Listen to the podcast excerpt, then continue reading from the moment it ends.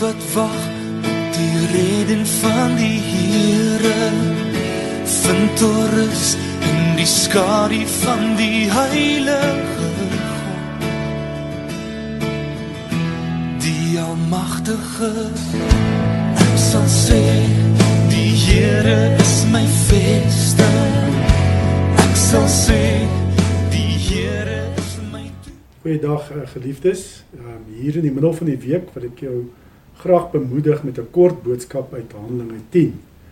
En uh, hier in Handelinge 10 lees ons hoe Petrus gelei is deur die Heilige Gees om die evangelie te gaan verkondig aan Kornelius en sy mense. Kornelius was 'n kaptein in die in die Italiaanse regiment. En dan lees ek hierso vanaf vers 38 Handelinge 10 vers 38 Julle weet van Jesus van Nasaret dat God hom met die Heilige Gees gesalf en met krag toegerus het.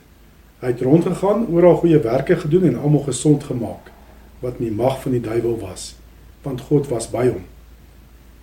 En ons het getuies van alles wat in die Joodse land en in Jerusalem gedoen het. Hulle het hom doodgemaak deur hom aan 'n kruis te hang, maar God het hom op die 3de dag uit die dood opgewek en hom laat verskyn nie aan die hele volk nie, maar net aan ons vir wie God reeds gekies het om getuies daarvan te wees. Ons wat na sy opstanding uit die dood saam met hom geëet en gedrink het. Hy het ons op 'n uh, hy het ons opdrag gegee om aan die volk te verkondig en te bevestig dat dit hy is wat deur God aangestel is as regter oor die lewendes en die dooies. Van hom getuig al die profete dat elkeen wat in hom glo, vergifnis van sondes deur sy naam ontvang. Terwyl Petrus nog praat, het die Heilige Gees op almal gekom wat na die woord geluister het. Toe die Joodse gelowiges wat saam met Petrus gekom het, hoor hoe die mense ongewone taal of klanke gebruik en God prys, was hulle baie verbaas dat die Heilige Gees as gawe uitgestort is ook op mense wat nie Jode is nie. En Petrus sê: Hierdie mense het net soos ons die Heilige Gees ontvang. Wat kan dan verhinder wat kan dan verhinder dat hulle nou met water gedoop word? Toe het hy beveel dat hulle in die naam van Jesus gedoop moet word en daarna het hulle hom gevra om 'n paar dae by hulle te bly. Dit wat ons hier lees, sien ons baie duidelik ehm um, die verband, die noue band tussen die Gees en die Woord. Dat om kerk te wees, moet ons Gees en Woord bymekaar hou. Daar staan in vers 44 terwyl Petrus nog praat, het die Heilige Gees op almal gekom wat na die woord geluister het. Woord en Heilige Gees is noodsaaklik om kerk te wees. Soos wat Jesus kort voor sy hemelvaart uh, vir sy disippels uh, gesê het ook dat um, in Handelinge 1 vers 8 en julle sal krag ontvang wanneer die Heilige Gees oor julle kom en julle sal my getuies wees.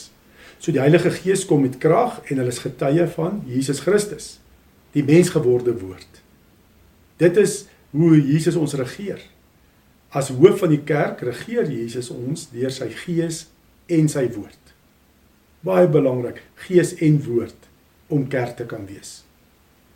Jy het seker al gehoor dat ehm uh, gelowiges sê word without spirit you dry up spirit without word you blow up.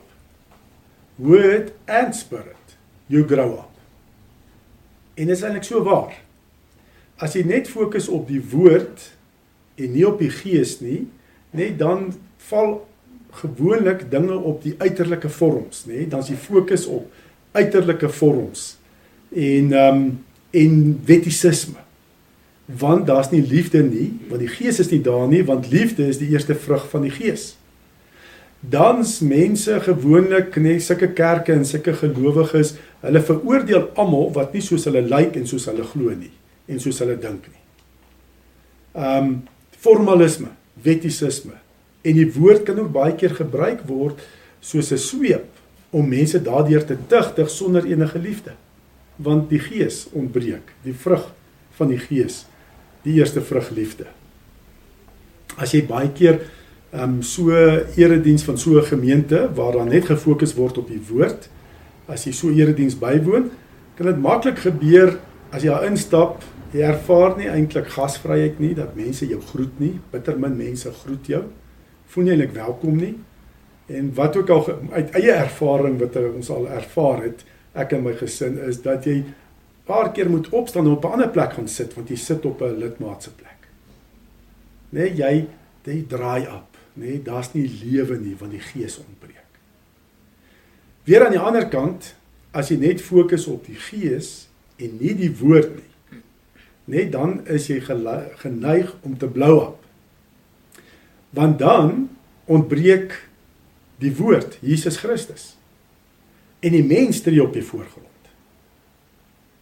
By in so 'n gemeente is baie keer die fokus dan op die leier van die kerk en op die leier se gawes en sy visioene en drome en wat hy ervaar, sy openbaringe. En alles moet omtrent gebeur deur die leier. En die leier beweeg baie maklik tussen die lidmate en God in. Dat hy amper die middelaar raak. En die fokus is net op hom en sy gawes en sy drome, visioene en openbaringe. So die mens blou op, nê? Nee, die leier blou op. Beweeg tussen die mense en God in.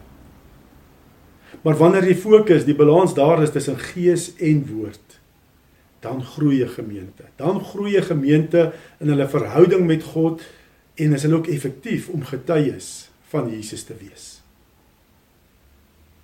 Ons moet groei in ons kennis van die woord. En jy moet ook groei om deur die Gees te kan wandel.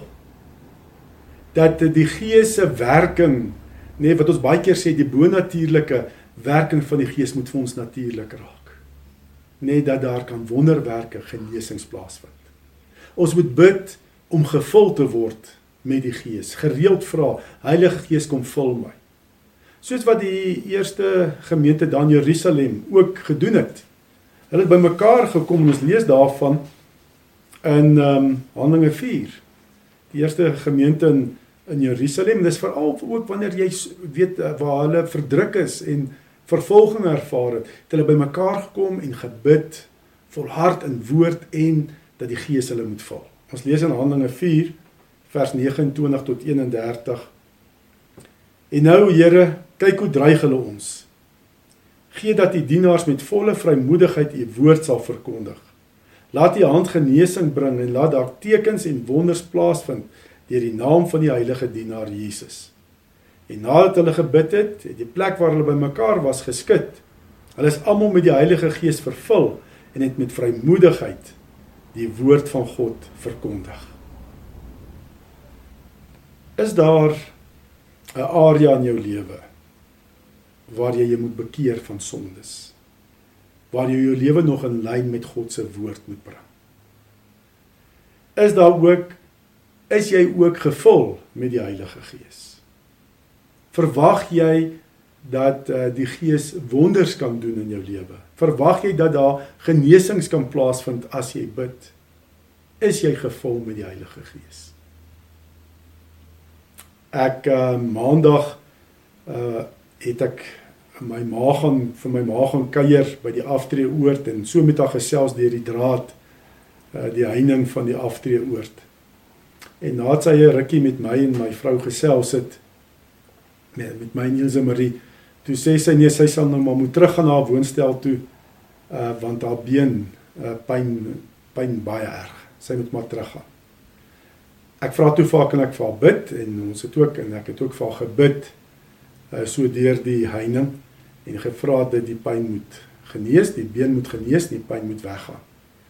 En sy getuig toe ook daai tyd ja, die pyn is weg. Later die dag uh, stuur sy 'n uh, boodskap op die familie se WhatsApp groep waar sy sê dat sy nie besef het nie maar sy het eetsaal toe na ons uh, ons kuier het sy eetsaal toe gestap um, sonder enige probleme sonder pyn en nou waar sy rus na ete ervaar sy ook geen pyn in haar been nie prys die Here dit moet vir ons natuurlik raak om wonderwerke te verwag om in die gawes van die gees te funksioneer Kom ons bely ons sondes voor die Here. Kry ons lewens in lyn met God se woord. Kom ons verdiep ons in kennis van die woord. Dit is so belangrik. Dis die fondament uh van ons geloof. Maar kom ons bid ook gereeld om vervul te word met die Gees. Dat die Gees sal kom en ons bemagtig om getuies van Jesus Christus te wees. Kom ons bely nou ons skuld en vra om vervulling van die Heilige Gees. Kom ons bid saam. Here ons God, wys vir ons eh, deur die Gees en die woord as daar enige sonde in ons lewens is dat ons ons kan bekeer daarvan en dit kan bely en vergifnis kan ontvang sodat u deur ons kan werk om u koninkryk te laat kom. Maak ons wie u wil hê ons moet wees. En dan vra ons u Heilige Gees om ons te vul. Vat beheer oor elke faset van ons lewens en bemagtig ons tot bediening met u gawes. Ons bid dit in Jesus se naam alleen. Amen. Sal sê die Here is my vesting. Ek sal sê die Here is my toevlug. My God